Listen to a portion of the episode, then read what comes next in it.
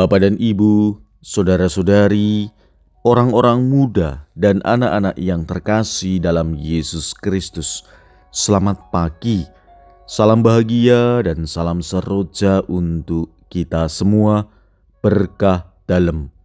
Bersama dengan saya, Romo Antonius Garbito Pamboaji, menyampaikan salam dan berkat Allah yang Maha Kuasa, dalam nama Bapa dan Putra dan Roh Kudus. Amin. Hari ini Rabu 29 Juli dalam pekan biasa ke-17 bertepatan dengan peringatan wajib Santa Marta. Bacaan pertama dalam liturgi hari ini diambil dari surat pertama Rasul Yohanes bab 4 ayat 7 sampai dengan 16.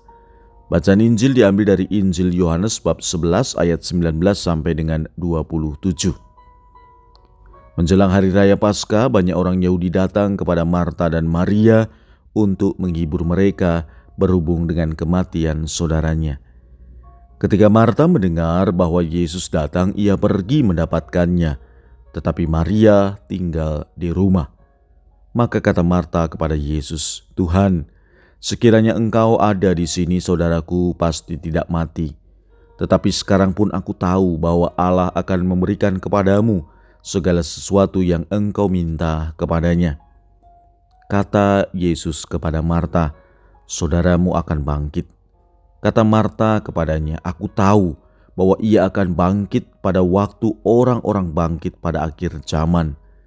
Jawab Yesus, "Akulah kebangkitan dan hidup. Barang siapa percaya kepadaku, ia akan hidup walaupun sudah mati."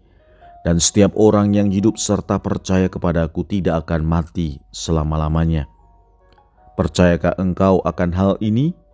Jawab Marta, Ya Tuhan, aku percaya bahwa engkaulah Mesias, anak Allah, dia yang akan datang ke dalam dunia. Demikianlah sabda Tuhan, terpujilah Kristus. Saudara-saudari yang terkasih dalam Yesus Kristus, Hari ini kita memperingati Santa Marta, saudari dari Lazarus dan Maria. Dalam konteks Injil hari ini dan dalam konteks persahabatan, Yesus dan Marta, juga Lazarus dan Maria, sungguh ditampilkan bahwa Yesus sungguh Allah dan sungguh manusia. Yesus sungguh manusia ditunjukkan dengan persahabatan yang akrab dengan Marta, Maria, dan Lazarus. Berita tentang sakit dan kematian Lazarus cepat menyebar. Yesus ketika mendengar kematian Lazarus, ia berkata, "Lazarus, saudara kita tertidur." Yesus menunjukkan kealahannya dengan membangkitkan Lazarus yang sudah meninggal empat hari.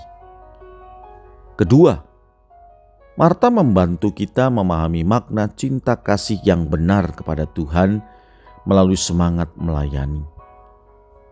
Kita tahu ia selalu siap melayani Tuhan dan sesama manusia, kapan dan di mana ia dibutuhkan. Ia juga bergerak pergi mendapatkan Yesus untuk bicara tentang Lazarus.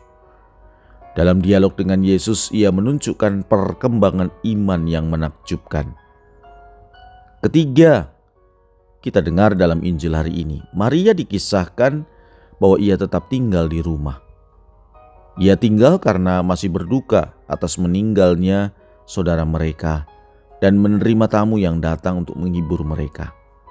Ia tetap menunjukkan hidupnya sebagai murid yang tekun mendengar sabda dan melakukannya dalam hidup.